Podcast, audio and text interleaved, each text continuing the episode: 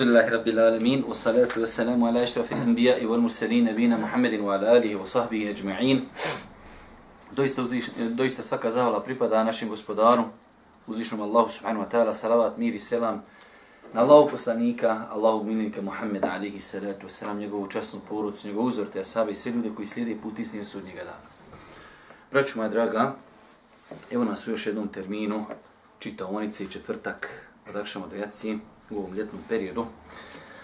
Čitamo knjigu 40 hadisa imama Nevevija, odnosno komentar knjige 40 hadisa imama Nevevija od šeha i Rudina i šeha Osmana. Večera se družimo sa jednim izuzetno, izuzetno lijepim, interesantnim hadisom koji nosi doista, doista mnogo pouka i poruka. Sama činjenica da su naši autori iz ovog hadisa spomenuli 33 pouke i poruke, to ukazuje e, o kakvom se hadisu radi. Naime, imam Nevevi, iako mu to nije bio običaj, ovog puta je napravio jednu malu iznimku da je spomenuo bukvalno dva hadisa zajedno, da bi se jednostavno određeno značenje još dodatno pojačalo. Pa imamo prvi hadis koji bilježi imam muslim od Neuvasa ibn Sam'ana radijallahu ta'ala da je Allah poslanik ali se ratu salam rekao dobročinstvo je lijepo ponašanje. Dobročinstvo je lijepo ponašanje.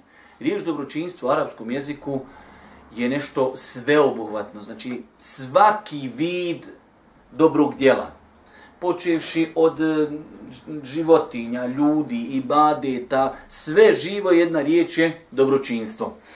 Je lijepo ponašanje. Znači ako hoćeš dobro djelo, hoćeš dobročinstvo, onda je to lijepo ponašanje. A grijeh je ono što te u prstima tišti, a ne želiš da to ljudi saznaju imamo dvije stvari. Imamo grijeh, imamo dobročinstvo. Pa je dobročinstvo lijep ahlak. Najsveobuhvatnija značimenca lijep ahlak. Grijeh je ono što te tišti u prsima i ne želiš da ljudi saznaju. Kad uđeš u situaciju, nešto bi uradio, ali ne znaš može li ili ne može. Onda vidiš kako grudi reaguju. Bil volio da to ljudi saznaju. Imaš tamo neki 13 profila na Facebooku, jedan od njih je ime i prezime, tvoje ostali su neki Mujahid, Mujahid, Gamuvehid, Omer ibn Hatab, Ebu Hurire, e, ma nema, apotekar, ovo, ono, i sovi vamo rešetaš, udaraš, e, bili volio da se sutra sazna da si to ti tamo iza tih profila? Uf, ju, pa kako da... E, ne velja, ne velja što god te tišti u grubu, ono nešto si uradio, poslije hodaš, a nešto te peče, pa, eh, to nije dobro. Jer kad uradiš dobro djelo, lošo sad nekom je u posjetu, tiši li ti šta u grudima? Ma drago ti. Dao nekom sadaku, tiši li ti šta u grudima? Ali, hm, prodao si auto, ali nisi kazao da je majstor rekao da mu može još 10 km prijeći. Tišti li ti šta? Ju, valja sutra, ako me sretni na čarši onaj lola, dobro ću se provozat. Znači tištite. Pa kad nešto tišti, onda to je pokazatelj da je ta stvar upitna. I kada ne bi volio da ljudi saznaju, opet to je stvar upitna. To je hadis koji bilježi ima muslim i ovaj hadis definitivno smo rekli pravilo kada hadis bilježi Buharija, muslim ili Buharija, muslim zajedno, oko toga uopšte ne raspravljamo. Imamo drugi hadis od Wabisa ibn Ma'beda radijallahu ta'ala smo rekao Došao sam Allahom poslaniku, ali se letu wasalam, pa me upita, dolazi čovjek Božijim poslaniku. Božiji poslanik kad je njega vidio kaže, jesi li došao ti da pitaš to i to? Pa je ovo jedan od dokaza istinitosti poslanice Božijeg poslanika, ali se letu wasalam, kaže, jesi li došao da pitaš za dobročinstvo? Imali smo gore definiciju dobročinstva, pa imamo i u ovom hadisu, jesi li došao da pitaš šta je to dobročinstvo? Odgovorio sam da. Rekao mi je, pitaj o tome svoje srce, jer je dobročinstvo ono na čemu se smiri duša i srce. Došao si da pitaš o dobročinstvu. Kaže, jes, došao sam. Pa kaže Allah poslanik, ali se letu selam, upitaj svoje srce. Mi smo nekad davno to pojašnjavali da se ovdje misli na bogobojazno srce. Srce e, koje je spoznalo gospodara. Vi sad, kada uzmijete čovjeka koji već 20 godina konzumira duhan, i sad njemu neko pet naleti ona neku video klip, ne velja duhan. Pa on ide, kad idem ja pita svoje srce, da ja ipak, pazi, ipak ja ću pita srce da ja vidim. I on sad razgovara sam, sad sam valja li duhan? U, a pogotovo i zajutra sa kafom, ej, ma ja šta vek valja. Kaže, kafa bez cigari ko džamija bez munari. To vere, tako kažu ljudi. Kao, gdje ću ja sut, kako ću ja kafu popit? Ma neko će vide kudi vidi. I završeno kaže srce, morali? Ma može. Pa koliko? Tri šteka, kaže. E, tri kutije dnevno. Dobro je, idemo. Allah neki dan jedan brat priča za svog jednog rođaka. Čovjek je dnevno gruho četiri kutije cigara. Svakako njemu je tam izgorilo sve, čoče, to on, on je sam bio kost, on imao samo, on je sam imao rebra, on je unutra bio šupalj, pojilo sve unutra. Ošao doktor, kada je doktor, prestaj, noćas prije sutra. I čovjek prestani odma nazvala ga sad sestra od tog čovjeka, sljedeći mjesec, čovjek on ima problema financijski. Veli, treba ali šta te pomoći, šta ću, ne znam sa šta ću otpara, kaj za mjesec dana 450 maraka čovjek u šparu. Za mjesec dana 450 maraka čovjek u šparu. La ila, na današnjici to je penzija. Imaš ljudi žive od toga. Imaš ljudi žive od 450 maraka, i to, aj, da je toliko, izaći, da je izaći na 450 maraka. Pa taj, znači, koji je već 20 godina duhani, pita on sam sebe, to ne, ve, to se, znači, mu'minsko srce koji se boji Allaha, vjeruje u sudnji dan, opodi se prema ljudima onako kako bi volio da se ljudi opodi prema njemu i tako dalje. E to mu'minsko srce koje ima još senzore imana, ima senzore neprestanog Allahovog nadzora, e onda srce pitaš, e dobro, je li to dobro? Pa kaže Allah poslanik, prva stvar, upitaj srce i kaže ono na čemu se smiri duša. To je ono malo prije, znači kad uradiš nešto dobro, jednostavno na to ti je smirena duša. Evo, obišao si roditelje, dao si sadaku, otišao si na namaz u džemat, klanjao si noćni namaz, zikrio si, pročitao si knjigu, bio si na dersu. Na to mi se srce smiro, uradio sam neki hajr danas. Ali kada nekog prevariš, nekom je slažiš, nekom je podvališ, ovo, ono, jel se na tome srce smirilo? Definitivno nije. Pa kaže Allah poslanik, nakon što je dao odgovor šta je to, znači dobročinstvo, kaže Allah poslanik, a grijeh je ono što ti uznemiri dušu i što uključava tvojim prsima, pa makar ti učeni ljudi odgovorili suprotno. Ovdje ima jedna klauzula na dodatak onom gore hadisu. Grijehe, ono što te muči, ok. Pa makar ti ljudi dali odgovor da to može.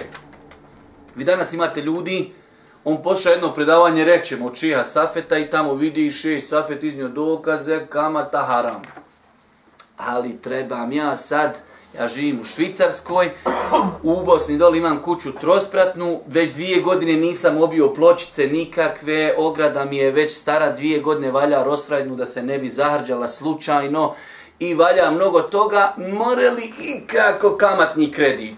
Kad tamo ti na Google, zreti, more li? More, elhamdulillah, evo ga more. A ti u dubin duše znaš šta je še i tamo rekao, ne mere.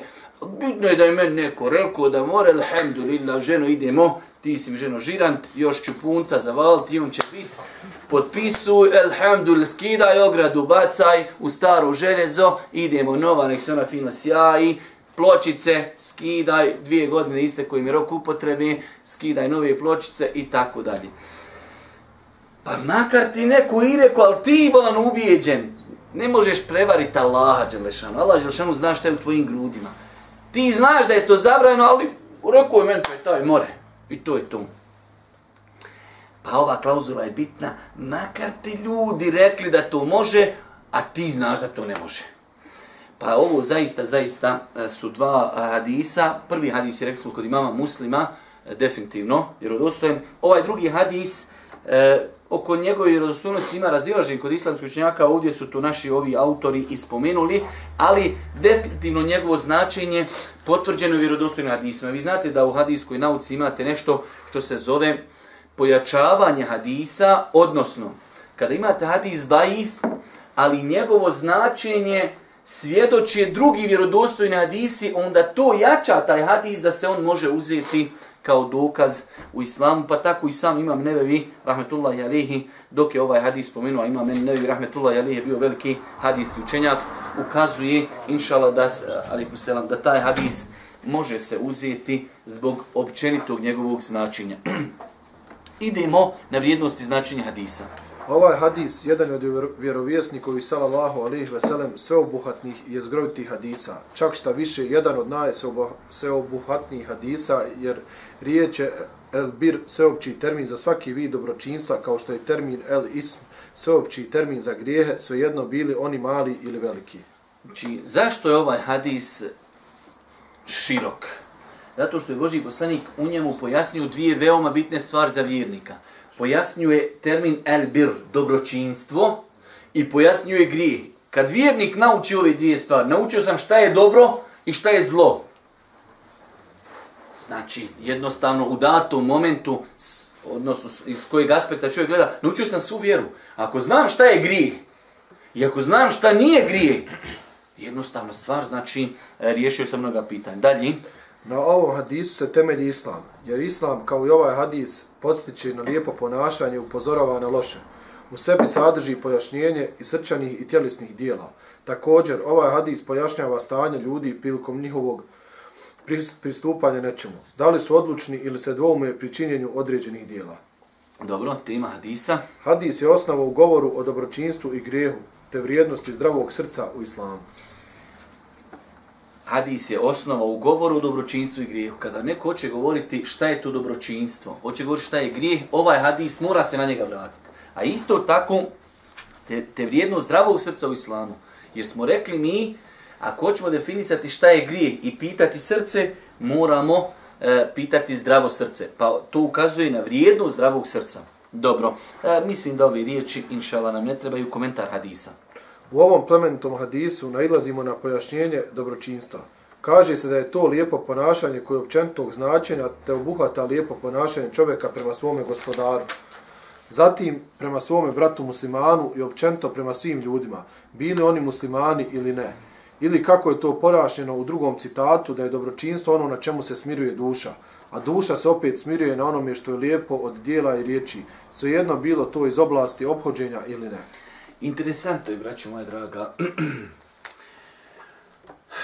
ako, poz, ako pogledate historiju umeta, vidjet ćete da većina sekti koji su se pojavljivale, jedan od razloga, jedan od razloga za stranjivanje sekti jeste što ljudi uzmu samo jedan dio islama.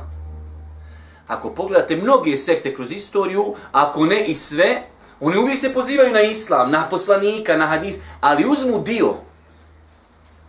Pa imate danas jednu skupinu ljudi koja sigurno dobronamjerno e, kaže, nas ne interesuje naš ahlak. Bitno je sam spoznao ja akidu, e, usul, tahakum. To je meni bitno. Ahlak je to, je, to je, kaže, to me ne interesuje.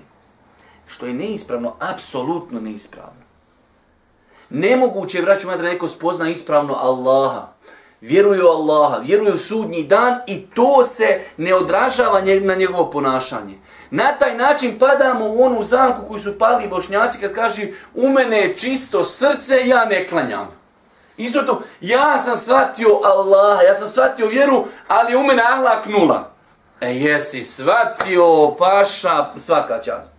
Ja kad znam voziti auto, sve, ali na svakoj rasredci me ufati kamera. Ali ja vozim i tekako, e, voziš svaka čas baš. Sam pitan kad će ti uzeti i vozačku i saobraćajnu.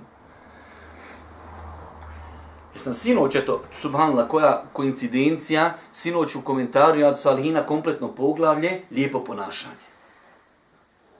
Kaže Allah poslanik, najpotpunijeg imana, nije rekao ovo, najpotpunijeg imana su oni koji su najljepših ponašanja.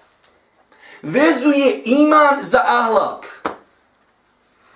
Vezuje iman najpotpunijeg imana oni koji su najljepših ponašanja. Zato je lijepo da se vratite na Rijadu Salihin, ono poglavlje koje govori o vrijednosti lijepog ponašanja. Pa kuća u džennetu, vrh dženneta, vrh dženneta za lijepo ponašanje. Najviše ljudi će ući u džennet zbog čega? Takvaluka i lijepog ponašanja. I onda čovjek kaže, ne, ne, ne, meni bitno sam shvatio akido, a lijepo ponašanje to, to kaže, na, nije uvjet. pa ga vidiš, njegov odnos prema roditeljima, roditelji, e, koliko toku dana seždi učini, toliko i njega puta proklinju. Roditelji, supruga, djeca, komšiluk, prijatelji, braća, poznanici, niko nije zadovoljan sa njim, ali ja sam kad je shvatio vjeru, meni je to bitno, da sam ja asal shvatio, ostalo me boli i briga. Pa je to Allah mi sve više neispravna percepcija. Čovjek koji shvati ispravnu vjeru, mora, mora to svatanje ostaviti traga na njegovo ponašanje. Mora. Svakako svi ljudi griješi, svako može pogriješiti, ali mora tu ispravno vjerovanje ostaviti traga na insana. Pa ovo, braću moja draga, jedna veoma, veoma bitna stvar. Kada govorimo o Allahu, ja znam da su nama ovako indirektno i direktno i svakako, halo, kaže, vi pričate o Allahu, vi pri... da, pričamo o Allahu i pričat ćemo do sudnjeg dana o Allahu. Pogledajte koliko Allah poslanik izrekao hadisa o Allahu. U osnovi Allahu poslanik, oni koji znaju arapski jezik, kaže i nema bu'istu, i nema bu'istu. Oni koji znaju arapski jezik, šta znači to i nema bu'istu? Riječ innema u arapskom je specijalizacija za nešto. Ja sam, kaže, isključivo i samo poslan da upotpunim plemenita svojstva kod ljudi. I nema ništa vi. Boži poslanik svu vjeru, svu vjeru sažeo da je poslan da upotpuni ahlak ljudi. Pa se ne može preko tog pitanja preletiti tako, pogotovo kad imamo danas jednu veliku e, hajku na islam, na muslimane, jedna velika islamofobija, kad je veoma bitno da svako od nas shvati svoju ulogu u društvu. Tvoj odnos prema supruzi, prema mami, prema babi, prema komšijama, prema prijateljima, prema, prema muslimanima, prema nemuslimanima, prema životinjama. Na, svako može bananu baciti koru na, na, na, na polje, osim ti, ti ne možeš. Svako može, na meni dosta puta na cesti dođe, Ja sam dole živio u arapskom svijetu i dole je pravilo na cesti, snalazi se. Prestrojiš se na zadnju tamo traku i prođeš, odeš lijevo. To mora, ali kod nas ne može. Kod nas stoji 50 ljudi, ti se prestrojiš i 51. Ja bi najrađe ošao dole pored onoga prvog se parkirao, dadim žmigac, paša, prođe mi zašto. A ne može, neko će doći. Hađi, a brada, kapa, a, žena sjedi pored te pokrivena. To vi tako radite. 51. I još će ostati tri prazna mjesta, nek još se nekome ne uključi prije mene. Ne može. Sad mora pas na svoje ponašanje svog na pijaci, svi mogu galamiti, svi mogu psovati, svi mogu prevati, osim tebe. Tebi se gleda paša sve živo. Drugima ništa. Na parkingu, svi mogu heravo parkirati, osim tebe. Ti moraš pravo parkirati. Po 20 santi na svako mjesto da se udalje deset puta gore, dole, gore, dole, dole, ne staviš da treba. Ako niješ cenzura. Svi mogu u opštini galamit na onog tamo što kasni s nekim papirom, osim tebe. Ti ne možeš galam. Ti, paša, mora on sto puta reći, čekajte, čekam, sjedim, ja imam vremena, paš mene se niđe ne žuri. Žuri se te više nek drugima, ali ti moraš biti saburli. Ti se moraš nasmijati. Ti kad prodaješ auto, ti ga kupiš za 3000, neko ti podvali da ga ti prodaješ za 500 maraka i ti kažeš, i znaš šta je 500 maraka i još ti moram reći i ne velja. Čovjek, e, ja rab, šta je sad ovo? Moraš paš. Samo da te sve ne zove, halo, je to ona brada? Ma da i bježite mi vi i vaš islam. Pa mora se paziti na ahlak. Mora se paziti na ponašanje. Mora jednom riječu, kratko jasno, mora. Čime je Allah poslanik ali selam zarobio ljudska srca? Svojim ponašanjem, svojim ponašanjem. Čime je zarobio ljudska srca? Svojim ponašanjem. Pa braću moja draga, e, nemojte se poigravati sa tim. Nemojte se poigravati sa tim. Svi mi koji krenimo putem javnog prakticiranja islama, nije to više samo tvoj islam. Ko što naše sestre kad nose mahramu, nisi ti više pod navnim znacima. Ne, ne, tvoja mahrama sad, sad je, ti si neka druga osoba. Tijela ti to privatili, ne, na tebe drugačije gledaju. Ne, a gotovo tebe drugačije gledaju. Pa insan koji redovno klanja, vanštinom pokazuje islam, onda mora paziti kako se ponaša. Dalje. Hadis također pojašnjava šta je grijeh, pa kaže da je za dotičnu osobu grijeh ono oko čega se koleba poput neke sumnje u propis ili slično. Grijeh je ono što uznemirava dušu, te ne bi voljela da drugi znaju zato o njoj. Od pobožnosti da se ta sumnja i nedoumica ostavi kako bi se sačuvalo upadanje u zabranjeno i da se prihvati ono, onoga na čemu je duša smirena. Mi onda kad smo govorili onaj hadis poznati komentar el, el halalu bejinun wal haramu bejinun wa bejnuma umurun muštabihatu la jalimunne kathiru min nas dugi onaj hadis halal jasan, haram jasan, između njih su sumljive stvari, ko ostavlji sumljive stvari, sačuvaju vjeru, sačuvaju čast. Taj hadis ima jake veze s ovim hadisom. Sumljiva stvar, nešto me kopka, šta je? Stop. Ne čini je dok ne riješiš tu dilemu šta ću sa tim. Dobro, da uzmimo e, na brzinu ove pouke i poruke iz hadisa. Pod jedan. Ovo su dva hadisa, međutim, budući da govore o istoj temi, smatraju se jednim hadisom, pri čemu drugi dio svjedoči prvom. Rekli smo to kad smo komentarisali, nije običaj imama neve tako radi, ali znači u ovom slučaju radio, zato što e, vidjeli ste u onom donjem hadisu imaju neke klauzule koje nisu gore spomenute u prvom hadisu. Dalje. Ovaj hadis je jedan od primjera poslaničke muđize. Allahu poslanik sallallahu alejhi ve sellem obavijestio je prenosioca hadisa Vasibu o razliku o razlogu njegovog dolaska prije nego li je progovorio. Došao si pitati o dobročinstvu i grijehu. Inače, pravo, braću moja draga, jedna od stvari koja ne da nikako prostora za sumnju da je Boži poslanik bio poslanik, jesu i muadžize. Pa znači, bez imalo sad, ono, hajde da kažemo, mi sad navlačimo, zato mi smo muslimani, sad mi želimo da svoju religiju, svoju vjeru predstavimo najbolju. Ne. Evo, hajde, znači, govorimo nako racionalno. Koliko stvari koje, znači, jednostavno nemoguće da se desi nekom osim koga pomogni Allah na tom putu, se desile Božijem poslaniku.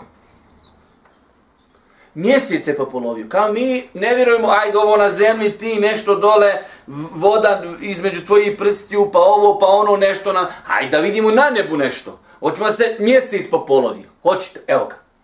Mjesec popolovio. Ma kaže, jo, Boga mi opet nije, ne zna, kaže, ti si nas obsirio. Ti si nas obsirio. Ne, ne, nije se mjesec popolovio. Već smo mi to samo vidjeli, on je gore ostao. Dobro. Za par dana došla karavana, tamo kaže, došli ovima u Medinu, u Meku. Jeste li vi vidjeli ono što smo mi vidjeli? Pa vili, šta ste vidjeli? Mjesec je popolovio. E, joj, šta sad lupit? A, a, neće insan da prihvati. Koliko je hadisa u kojima se desilo za vrijeme Božijeg poslanika. O tome su učenjaci pisali knjige posebne, muđize. I to je dobro čitati, da čovjek ojača iman.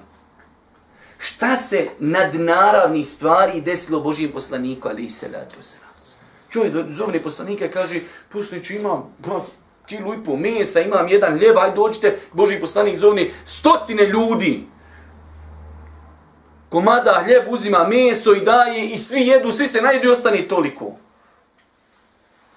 Ovi dana baš radim, pošto vjerujem da velik broj glas zna da radim e, neke onaj redakture, neke hadijske zbirki, hadis od Džabira radijallahu ta'ala, odnosno nje, uh, jest Džabira, kaže kada mu je otac umro, poginuo na Uhudu, ostavio za sebe velik dug ostavili za sebe velik dug.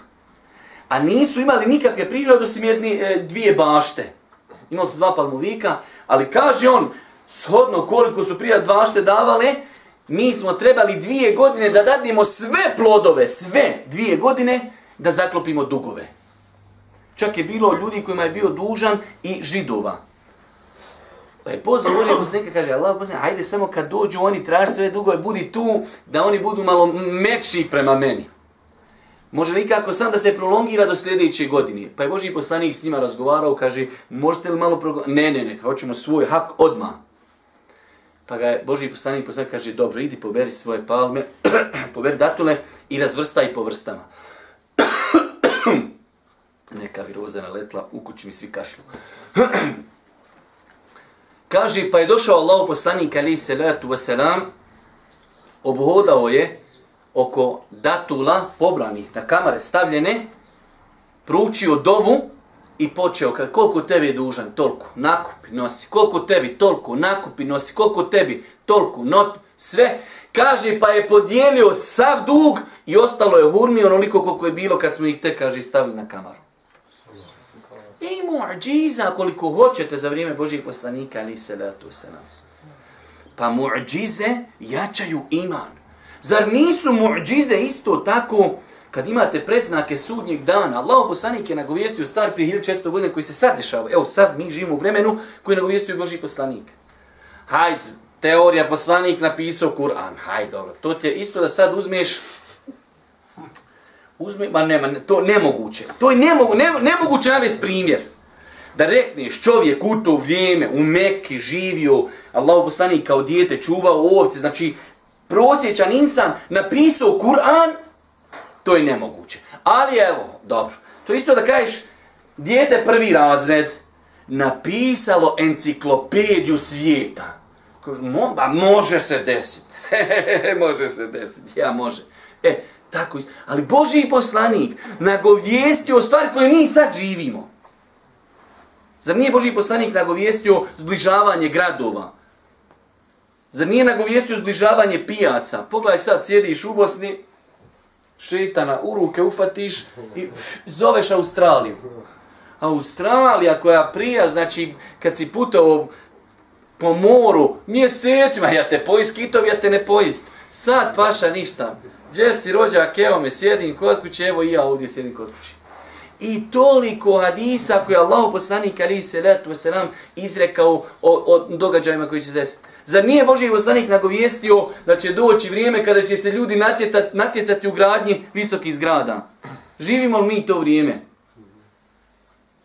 Šta ljudi? Sam daj da moja bude, moj toranj najveći. On izgleda 300. Isto prija Pink Panther i Duško Dugovško kad se grad, ko će više izida? Evo moja ima 300 sprata, moja će ima 400. Sad će je 500, moja će ima 600.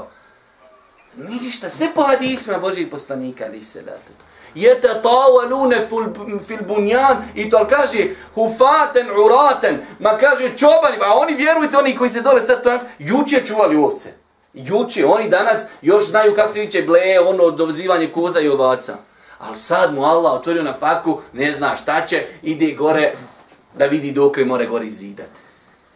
Mi ne govorimo o to je to halal, nije halal, ali je to nagovijestio Božji poslanik. I hadisa, uzmite knjigu Preznaci sudnjeg dana. Pa i ovaj hadis jedna od muđiza. Dolazi čovjek, Bože poslanik kaže, jesi došao da to pitaš? Jesam, kaže. Pa čovjeka čita ove stvari, braću moja draga, ne ostaje prostora više. Samo čovjek ako je objektivan. Čovjek traga za istinom. Boži poslanik, za vrijeme njegovog života se dešavale muadžize. Imate onu lijepu knjigu, ja znam e, izraz na arapskom, ne znam na bosanskom, kao neporecivi dokaz istinitosti Božih poslanika. Iz, iz, izuzetno lijepa knjiga. Jedan ših iz Kuvajta u savremenom dobu je pisao tu knjigu. Kažu, od stvari koje ukazuju da je Boži poslanik istin, jeste to što ga je uzvišeni Allah podržao na njegovoj misiji. No čovjek kaže, ja sam posljednji poslanik, sve. I na tom putu ga Allah pomaže muadžizama. Najveći dokaz da je Boži poslanik bio istin. Boži poslanik govori o stvarima iz budućnosti. I nema ni jedna stvar, kažeš, on je rekao drugačiji. Ne, onako kako je rečeno. Ili imaju neke stvari koje se još nisu desile. Pa tu jača čovjeku iman i svakako znači čini čovjeka da bude 100%, ako ima ikakav veći procenat, ubijeđen, ovo je hak, ovo je istina, ovo je Allahu poslanik, posljednja vjera i tako dalje. Dalje, broj pit. Iz hadisa saznajemo za veliko interesovanje poslanikovih salallahu alaihi veselem drugova za spoznajom dozvoljenog i zabranjenog, dobročinstva i grijeha. Više sam puta govorio o tome da su ashabi, čak imate u, u, u biografiji ovoga ashaba govor da je ostao jedan period maksu živjet kod Božijeg poslanika da bi imao priliku da postavi koje pitanje Božijem poslaniku. Znači, posebno, znači njegovi su narodnjaci otišli ne ostao godinu dana da još živi samo da gleda poslanika svojim očima i da mu ima priliku postaviti koje pitanje. Pogledajte, nakon 1600 godina mi se okoristili smo njegovim pitanjem koji je postavio Allahom poslaniku alihi salatu wasalam. Dalje. Hadis definiše dobročinstvo i grije. Definitivno, to je srž. Iz hadisa saznajemo da dobročinstvo ostavlja traga na srce i dušu, a taj trag jeste smirenost i spokojnost. Te kako je islam lijep. Dolazi čovjek, pita za dobročinstvo, poslanik mu pojašnjaje što je dobročinstvo, a isto ga mi shvatamo da dobročinstvo ostavlja traga na ljudsko srce. Zato sjećate kad sam ja više puta o tome govorio, kada islam ne bi imao, a ima mnogo drugih stvari, ali jedna od stvari blagodati islama jeste da si, da si murtah. Što Arapi kažu murtah? Da si u rahatluku. Vidite sad čovjek koji praktikuje vjeru kako treba. On fino sad završi predanje i ode dole, ode pored Sebila, ode tamo na felafile, ode klanja. Rahatluk. Nema telohranitelja, ne boji se ga neko zviz, neko traži, neko sa čekušu neku napravio, ništa paša, hoda, rahatluk. Raha, niko te ne traži. Nisi slagu, nisi prevario, nisi ovo, nisi ono. Kad vidiš čovjeka oko njega, e, kaže, sto auta, 50 auta ide pod iste boje sad se ne zna u kojem je on auto. Ja, rab, što ima veznik, se zna, Pezić vozi Fiata, to je. Ali, kad imaš problema sa pola planete, moraš se sakrivat ko, ko, ko što se sakriva, razumiješ, gušter. Letaš pod zemljom, pa s avionima, pa pod podmornicama, pa vako, pa nak, pa alarmi, pa kamere, sve živo tebe čuva. Zašto? Pa je da ne bi nekome palo na pamet kao je haloba, pa dosta je tebe i tvojih belaja, više cijeloj planeti. Pa, pa su dobra djela rahatluk. Rahatluk. Pričao sam onaj događaj i po njemu je Mešari snimio onu ilahiju Omeru radijallahu ta'ala kad mu je došao na izaslanik iz Perzije pa je tražio Omer, sećam te kise kad smo još koko mladi studenti u Jordanu radili taj događaj kad smo učili arapski jezik kad je došao taj zaslanik Perzije tražeći Omera. Ne, kaže, Omer ti je tamo iza Medine, jedno ga spava. Nošao tamo, tro, prvo traži su u Medinu, obično nema Omera. Kad je ošao tamo, Omer, podreve tamo. Arapi imaju običaj taj na podni spavat. Omer, stavio cipelu, kaže, pod glavu, hrči, spava. I tada sam učio glagol, mustagrikun fi neumihi. Duboko spava, trese se zemlja koliko spava. Ti ovi, ovi pljačkaši, on ti paša spava, znate da ima, da ima teorija da zid spava na jedno oko. Jedno dežura, jedno spava i onda se odmori i ovako spava. E tako vam pljačkaši spavaju, paša. On spava na jedno oko. Ovo razgleda. E, dobro je, raspavalo se ti, hajmo drugo. Kaže, Omer tako nije spavao, Omer zatvori oči, stavi cipelu pod zemlju i na zemlju spavi, to izvan Medine, moraš ga doći, odvuć ga gdje hoćeš. Spava, rahatluk, i zato on kaže, eminte, adelte, ti si, kaže, bio pravedan, zato moraš tako spavat. Kaže, gdje su, gdje su kod njega stražari? Pa kod nas nema stražara, Omer, eto ga tu spava. To je rah, vallaj vam kaže kad islam ne bi imao, a ima alhamdulillah hiljadu drugi koristi, osim ovu, da te čini da hodaš zdrav, prav, da se ne bojiš nikoga, ne stidiš, nikog ne bežiš ni od koga. Špionku neko kuca, koli je jarab. Ne, ja pošao, ko je? Dobar dan, šta ste trebali, izvolite, ja sam taj, svima otvaram vrata znate kako kad ljudi, kad imaš petljancu, pa šalj dijete, šta je, ko je, babo je, vošao se, perisao se, ja tam babo se sakrio za vrata i... Ja znam slučajeva, djeca, ko djeca meš, ti djecu ubijete, gdje je babo, kaj ga se sakrio tamo, ja rabon odliče, mi Pošao sam bolan, pogriješio malo djete, jedno na fitri, ne znam slaga, kao jedno babo tamo kaj sakrio se šta ti to treba, bolan, ideš uzdignutog čela, ništa, ne, nikad ne petljaš, nikad ne lažiš, ni utvod ne kradiš, nikom nisi zakinu, ne prodaješ auta, ne prodaješ minska polja, ništa, hodaš paša, uzdignute glave, fino, čego koga vidiš sela, malikum, kako ste, dobro smo, i završen nikakvi blindirani auto, ću te izmisli auto, pogodi ga EPG, ne mremu ništa čovječ. Da bi se on mogu tamo sakriti. Ja sam gledao auto, čoveče, Kalašnikov uzme iznutra kamere, puca u njega, ništa, čoveče, odbijaju se meci, isto da gađa u duvar, čoveče. Što će ti takvo auto? Neće s autima i čurat, čoveče. Evo, njemu je rat svaki dan. Njemu je rat svaki dan. On ratuje usnu sam protiv sebe. Dalje. Sinomi, sinonim bir, to jest dobročinstvo, obuhvaća djela vezana za unutrašnjost i spoljašnost osobe. Definitivno. Kad kažemo dobročinstvo, misli se na ibadete koji su srčanog karaktera i na ibadete vanjskog karaktera. Dalje. Hadis ukazuje na uzvišeno mjesto ahlaka, to jest čudi. Pojašnjava da je lijepo ponašanje jedno od najboljeg dobročinstava, te time podsjeće na njegovo usavršavanje. Definitivno se. Rekao sam vam, zaista savjetujem Zaista savjetujem da čovjek se vrati na knjige koje govori o vrijednostima ahlaka. Jedna od njih je, imate poglavlje, zaboravio sam koji je broj, sinoć smo ga imali, poglavlje lijepo ponašanje u Rijadu Salihin. Dalje. Ahlak u sebi sadrži sve vidove dobročinstva. Dalje. I sad Isa zaključujemo da dobročinstvo prouzrokuje smiraj. Dobročinstvo propozuje smira. Rekli smo dosta puta, čovjek kad uradiš dobro djelo, kako se osjećaš? Kad obiđeš bolesnika, kad nazoveš svoje roditelje, javiš im se, kad dadiš nekom sadaku. O, znači jednostavno smiraj u grudima. I vjerujte kad ibadeti dobročinstvo prema ljudima, ne bi imalo druge nagrade osim to, kako se čovjek lijepo osjeća.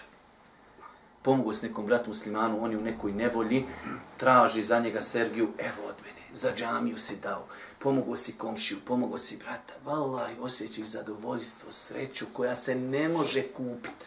Zato su Selef govorili, kaže, kada bi el muluk wa abna'u el muluk, kada bi, kaže, kraljevi i djeca kraljeva znali sreću u kojoj mi živimo. Oni bi, kaže, džale duna, oni bi, kaže, napali na nas sa sabljama da pokušaju od nas to uzeti. Siroma, ovaj boga, sve živo ima. Sam nedavno čuo verziju, kaže, mi poželimo da poželimo. Što misliš da je to bogatstvo? Mi, kaže, poželimo da poželimo. Nema viš sve od Dunjaluka ima da, da bi poželio da nešto ponema, šta god poželi dobije. Pa kaže, mi poželimo da poželimo. Onaj sirama jadnik možda nema šta jest. Ovaj bi gore ga sabljom ganju da kupi to od njega. Sreću i zadovoljstvo. Dalje. I sad Isa zaključujemo da dobročinstvo prouzrokuje smiraj. I to također zaključujemo i sad Isa da grije prouzrokuje brigu i nestabilnost, te je zbog toga razlog nesretnog života. Vidite, braću moja draga, bez sad ne mora znaš da je glavni razlog, ali vidite, e, ovaj psihički poremećaj danas ljudi na planeti. Otiđite, mojte i vjerovat Peziću, Pezić nekad ne uči redovno zikrove pa more nešto i lupiti. Otiđite u apoteku i pitajte koji se lijekovi najviše prodaju nakon Viagre, najviše, i možda i prije Viagre, kako koji grad, depresija. Depresija, paša, tu. Od čega dolazi depresija? Pa ovdje je prevario, ovdje je slago, ovdje je zavrnu, ovdje je odvrnu, ovdje je prevario. Paša, pa ti si napet non stop, ju, kuće me, otkriči me, se označi, napet danas, napet sutra, daj mi talete me malo ispušu. E, evo ga, opet sutra na depresija, grijesi, problemi, ne znaš što živiš, u danas do sutra, kuća, posao, posao, kuća, šta ja znam, ne znam, nija šta znam. Paša, dosadi to. Depresija. Tako da znači, e, e, kako kaže ovdje, i da zaključujemo da iz Hadisa da grije prokuzuje koji brigu, nestabilnost. Briga. Da li će... Pazite, kad čovjek radi neki belaj, evo rećemo u porodici, da li muž vara ženu ili žena vara muža. Znaš, koji, koji tu kameleon moraš biti? Koji tunga, Allahom se kunim, koji tu kameleon moraš biti? Ti sad, evo rećemo, ajde nećemo da se ne bi ljutile žene, muško vara ženu. I ti si sad došao tamo, neđe su i pravio neke belaje, dolaziš ti kući baš ono, gdje ste raja, šta ima? A dole vrije, i ako mi se javi ona moja, ako mi žena pročita njenu poruku za davčene. Ono sve s njim, aj, e, gdje ste, što ćemo na ćevape? Ako mi žena vidi poruku, poludit ću ću. I tako. Znaš koji je to? To ti je željezo, vruće, hladno, vruće, u vodu, izvodi, u vodu, izvodi. A paša da crkneš, da pregoriš, da, te, da su ti najjači osigurači na planeti koji imaš, prigorćeš, crknićeš. Nesigurnost, nestabilnost. Ja znam kad nekad neke osobe iz braka, muške ili ženska, kaj taj spava s mobitelom. On, moraš mu skinuti noge, možeš čorape, možeš ga odlušiti, neće se probuditi. Dirneš mobitel samo. On se odmah budi. U WC sa mobitelom, on cipele oblači nogama, ne smije pustiti mobitel. Sam li moj mobitel pusti? Zašto? Pošto umre, nije umre, sam ja sad neki melek i nešto. Umre se djeca, igraju s mobitelom, žena, kogod hoće. Umre nekad neko, smijem mobitel. Mo smiješ, paša noška 15 dana, šta ima vezi? Nima u njemu ništa sporno. A ovaj ko ima, on ima šest šifri, njega ne mere hakovat, nema teorije ga moraš hakovat. Što će tolike šifre? E, pa zato što ima šafer ima. To je briga, paša, vjeruj mi, briga. Samo ću kad će me otkrit, kad će saznat, mm, daj klukaj tableta da malo zaboravim, da malo Red Bull dadne kril, da malo prolita. Zato, alhamdulillah, Islam, Islam te čini Allah mi sve više. Uživancija, vallahi uživancija. Treba u apotijekama tamo imati lijek, sam nakon papir, Islam, evo ovo, gospodine, ovo, tri puta dnevno popiješ na prazno i to je to. Depresija.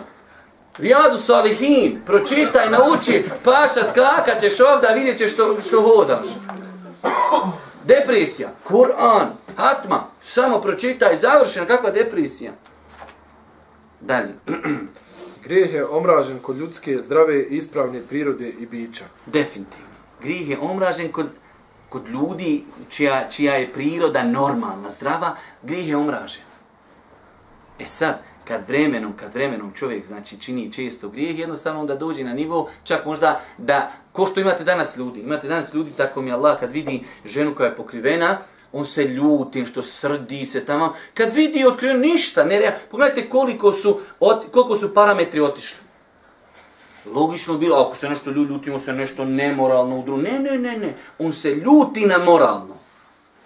Ali razumni, normalni ljudi preziru grijeh Razumni čovjek normalno kaže, jesi ti, ev, kad je došao Boži poslanik, onaj momak, kaj Boži poslanik će, imam veliki problem, dozvoli mi blud. Oh, da vidimo. Pogledajte kako reaguje zdrav insan. Bil ti kaj volio da neko uradi blud s tvojom majkom? Ne bi. Sa sestrom? Ne bi. I tako dalje. To je normalan insan. Normalni ljudi bježi od grijeha. I onda koliko treba pocrniti ljudsko srce. Da čovjek taj grije, znači, voli ga. Dalje. Postoje određeni pokazatelji grijeha, nemir u srcu i mržnja da to ljudi znaju. Pojašnjavali već do sada. Zdravo i ispravno biće ne čini javno grije, već to skriva od ljudi. A šta je suprotno tome? Hajde još jednom nam ponovi. Zdravo i ispravno biće ne čini javno grije, već to skriva od ljudi. Zdrav insan ako i već i padne da čini grije, ako, ako, ako, on se trudi da to što manje ljudi sazna. Kad imate obrnuto da čovjek čini javno grije, šta je to pokazatelj? Je, znači, pogledajte, islam je jedan plus jedan. Čovjek normalan, on se trudi, ako već i radi grije, ne, ne zna niko. Ako imate čovjeka koji javno čini grije, to je pokazatelj njegove slabosti, njegove bolesti. Hiljadu pod, ma nekom priča čisto mi srce, ja ovo, ja ono. Nemoguće. Nemoguće. Dalje. Vjernički smiraj prema određenoj stvari ukazuje na ispravnost te stvari. Ovo opet, pazite, ovaj hadis uvijek može zloupotrijebiti. Koji mnoge druge stvari u islamu. Mi smo rekli, čovjek treba pitati svoje srce, kada? kada srce ima bogobojaznost, o tome će nam poslije kazati e, korist u ovom hadisu, kad ima, bogobo, kad ima ilm, kad ima šarijetsko znanje, pa postavi svome srcu e, pitanje. Pa kad imate neka čovjeka, ko što se desilo Ebu Bekru i Omeru, znate kada je Boži poslanik veselio, pa nakon smrti Božih poslanika u jednom eh, kratkom periodu desio se onaj eh, riddet, otpadništvo velikog broja arapskih plemena. Pa je došao Omer radijallahu i znate kako je Omer bio odlučan u životu. Pa sam kaže, došao Ebu Bekr, Omer spri, eh, Ebu Bekr sprema vojske i čete koji će ići borce protiv tih ljudi. Omer koji poznat po svojoj nekoj nazomu je strogoći. Kaže Ebu Bekr, kako ćeš se boriti protiv ljudi? Poslanik je rekao korektni la ilaha illallah, zaštićena mu je krv. Kaže Ebu Bekr, Zato nije zabilježeno u historiji Ebu Bekrovoj da je ikada donio pogrešnu odluku. Nikada. Znači, biografija Ebu Bekra nima ni jedna pogrešna odluka. Kaže Ebu Bekr, onaj ko napravi razliku između zekijata i namaza, ja se kaj protiv njega borim. Kaže Omer, pa sam ja shvatio, pa sam vidio njegovo ubjeđenje, kaže, da, je, da sam ja, kaže, shvatio da je to hak istina. Zato kad čovjek nešto, ja znam da je to apsolutna istina. Znači, čovjek dobije ubjeđenje da je to istina, smiraj, znači, ne možeš ga pokolebati na tom pitanju. Dalje. Uzvišen je Allah stvorio je ljude s urođenom vjerom da mogu spoznati istinu i smiriti se na njoj. Jest, mi smo rekli, to je urođena vjera a, u srcu čovjeka ako se to srce, ako se to srce ne promijeni vremenom, pod uticajem razno raznih faktora. Dalje. Mu'minska neodlučnost prema određenoj stvari ukazuje na neispravnost te stvari. Možda je ovo možda malo pregruba reći, ali znači sama činjenica dok se čovjek počne, dosta puta mene neko doći nazove. Ja znam šta je problem. Nekada ljudi hoće da neko daja ponese težinu e, odluke na svoje pleća. Čovjek osjeti, ima sumnju i onda zove tebe da mu ti rekniš ne može. E, ja mu gledam, a što s tim u osnovi nazvu? Pa kaže sumnjivom, e, to je mene, ti imaš već odgovor. Nemoj mene, hoćeš ti mene nastaviti da kaže, pa meni je peš rekao da to ne mene, neću ja tu paša. Dok si me nazvao, to ukazuje da ti nešto nije u redu. Da li bi me nazvao da kaže, šta ja znam, došla mama i dala mi 10.000 maraka poklon. Što me se tada ne zoveš? To, dala mi poklon uzu. Ali, hm, ako ima mama kladionicu, pa iz kladionice je donijela pet i tebi dala pet, e tada je to sumljivo, idem zad pezića. E, znači, kada čovjek nešto osjeti, to je pokazate da je to sumljiva stvar. Kada osjetiš nelagodnost, nisi smiren. Nije mi to jasno. To je pokazatelj, to su ti, hvala Bogu, senzorski, i, senzori imanski koji se pali i reaguju. Vidjeli ste kako čovjek, nekada Allah mi uzmeš zanokticu i ne, ne otrežeš i ga potegneš, boli prst, boli prst, dobiješ temperaturu od prsta. E, to je taj senzor. To je taj, alhamdulillah, znači zdravo tijelo. Hej, da si bio neki imunitet, ništa, baš otpada prst, ništa se ne javlja, gore glava, za sebe, ruke za sebe. Zdravo tijelo reaguje. Tako i iman, zdrav iman reaguje. Dalje. Dobročinstvo i grijeh su dvije suprotnosti koje su nespojive. Osim kod nas. Dalje. Zdravo srce koje je na pravom putu i pojma temeljne vrijednosti islama i njegova pravila može ispravno donijeti sud u sumnjivoj prilici, ono u čemu nalazi smiraj istina je, a ono prema čemu osjeća nedoumicu neistina je. Cijelo vrijeme u osnovi to je srž hadisa. U, u datom momentu kad čovjek zapadne u kriznu situaciju, nema koga nazvat. Vraća se na nešto što je temeljno. Sumljivo mi. Ako ništa, stop. Sjećate kad smo govorili e, o, o sumnjivim stvarima, dok se ne razjasni sumnjiva stvar, stop. A to može tvoje srce prepoznati imam nešto, znaš šta je, nudi mi se neki posao, ali ima tu 1, 2, 3, 4, 5. Dobro, možda će se to izbalansi, možda će neko dati to, ali u startu mi je sumljivo. Nemoj početi onda kaj, evo ja počeo šta ću. Ne, ok, zaustavi da vidimo rješenje. Pa te zdravo srce može, može jednostavno upaliti u tebi taj alarm da se zaustaviš. A to je, alhamdulillah, mu'minu dovoljno. Dalje. Prijetno nam pojašnjava vrijednost zdravog srca u islamu, te nam pojašnjava da se vjernik treba posvijetiti svome srcu. E, ako nam je srce taj generator, ako nam je srce taj senzor koji reaguje, onda treba paziti na srce. Znate da je Boži poslanik rekao srce kad uradiš grije? Ja sam neki dan bio dole na, na, kad smo bili na, na sajmu knjige, pa ono, jedan brat nam je onaj, predstavio onaj projekat one pametne table, pa tamo ono srce. I ja uzeo, rekao, e vidiš, uzmeš flamaster i na onom srcu, tup, tup, zače pocrni srce. E, to ti je, znači, naše srce. Imaš tablu i vidi. I ja onda uzmem dole glumcu, rekao, evo i teuba. Srce osta čisto. E, to je to. Pa treba paziti na sebe. To mi je senzor. Vidio si, kad hoćeš nešto sa mobitelom slikat, E, to baš, to, očisti, očisti da se more taka, usliko si nešto, hmm, koli je ovo rođak, ili mama, ili te, ne znaš šta si usliko, nije dobar šta, nisi objektiv očistio. E, tu ti je srce, objektiv, moramo paziti na srce. a govor o srcu je posebna priča. Dalje. Musliman radi po jasnim stvarima, osnovanim na dokazima, a ne po sumnjivim. O tome smo govorili kad smo govorili o hadisu sumljivih stvari. Iz hadisa se zaključuje da vjernik koji se boji Allaha ne smije i neće se upustiti u nešto na čemu njegova duša nije smirena, pa makar mu ljudi i govorili da je to u redu. Ovo, je, ovo smo pojasnili. Pazite, ovdje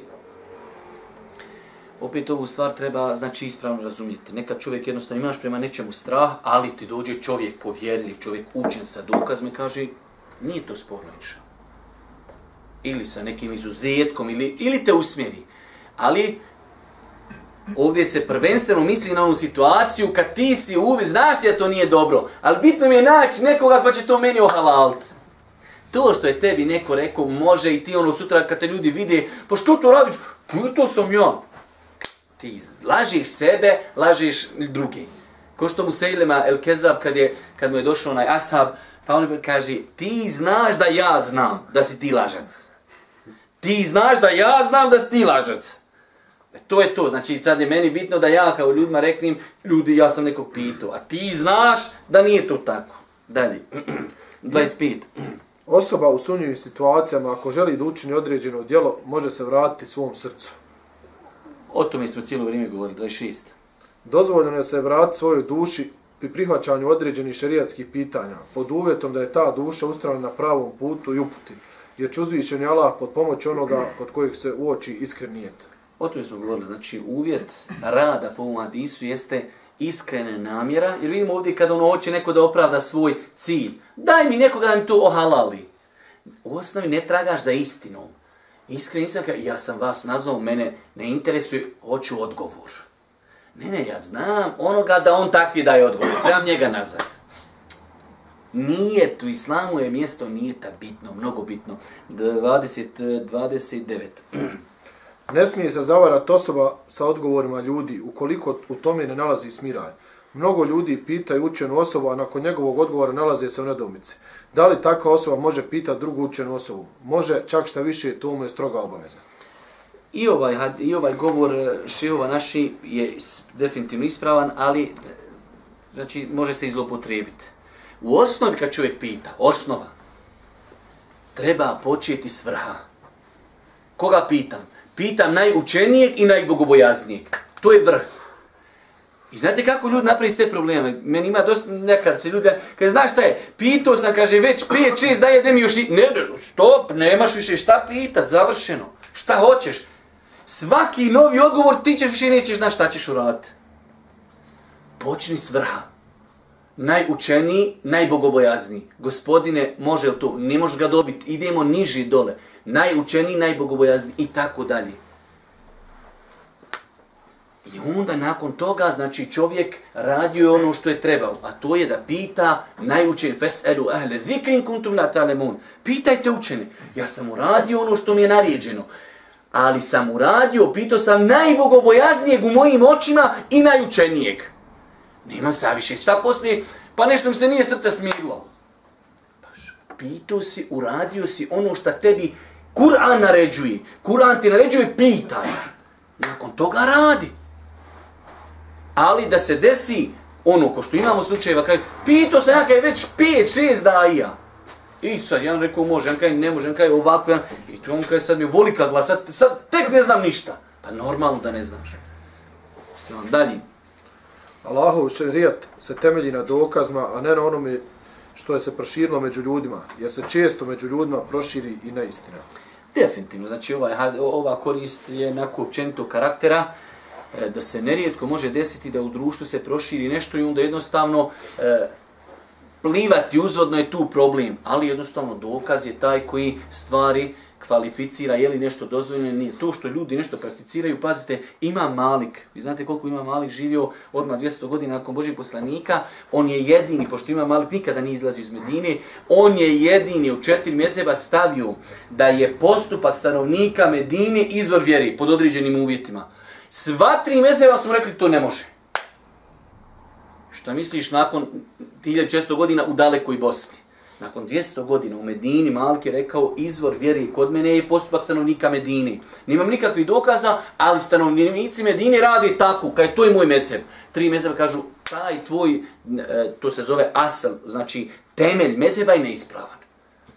Tako kad se nešto proširi u nekom gradu i to, to te kod, kod nas kad sam ja evo imao priliku nedavno snimao onaj namaz ili ovo i abdest, pa ti ljudi, bau, ja nisam tako naučio. A, ti si melek, nepogrešivi, nema, nemoguće da si ti kriv, samo je kriv onaj koji je to snimio. Ja kriv, ali jo, kod nas svako je završena stvar. Pa to što se u datom momentu u nekom podneblju proširi nešto, može biti dozvoljeno, može biti ne. Gdje je rješenje? Dokaz Korana i Sunneta. Završena stvar. E, 32.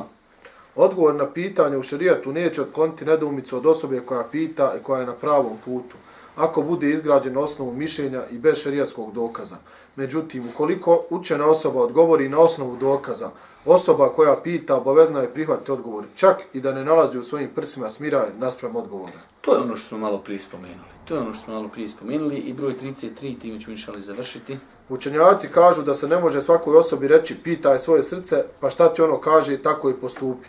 Te riječi se mogu reći samo onima koji su slični ashabu u Abisi radi Allahu an, te jest onima koji su željni neprestanog dobra, koji imaju mnogo znanja, čiste su duše, visoke inteligencije i sposobnosti raznavanja i razlučivanja. A što se tiče većine običnih ljudi, njima se ne kaže pitaj svoje srce, već im se kaže, pitaj učenu osobu čije znanje i bogobojaznost imaš povjerenja. Radi i postupaj po njegovim odgovorima, pa makar se tvoje srce i ne smirlo na njima, jer je uzvišen Allah rekao, pitaj učene ako vi ne znate. Znači, to je srž. Ali rekli smo mi prije toga, ovo jeste, ovo je srž eh, kad mi imamo mogućnost da pitamo. Mi smo došli u situaciju, životnoj smo situaciji, trebamo nešto uraditi, pa nam je postalo sumljivo. Ono što minimalno u datom momentu možemo uraditi jeste da stanimo, da ne uradimo ništa. Da se naš senzor imana u srcu upali, da stop, nešto mi nije u redu. Šta ću uraditi? Ako nisam kompetentan, ako, ako, ćemo, ako mi je srce zadimljeno nekim razno raznim onaj, bakcilima i virusima, pitam učenog čovjeka. To je ono što je meni Kur'an naredio i nakon toga pitam učenog i bogobojaznog. Zato smo spomenuli ta dva uvjeta, pitam neko ko je za mene najučeniji u mojim očima i neko ko je najbogobojazniji. Ja njega pitam, možda će poslije to meni, pa znaš taj nešto mi to malo još, nemaš ti više šta. Ovo ti je čovjek rekao, zato si pitao učenog i bogoboja. Učen je, znači ima znanja, bogobojazan je da ti rekne ono što je ispravno toga kad se znači objedinuje dva svojstva e, pri insanu kojim se postavio pitanje, radi ponovo, pa makar ne daj Bože, po najgoj verziji to bilo neispravno, tebe će Allah pitati po onome što ti on odgovorio. Molim Allah, Žešan, da nas uči se putu istinu, subhanik, Allahum, da bihamdike, ješedu in la ilaha ilan stafirke, tubu i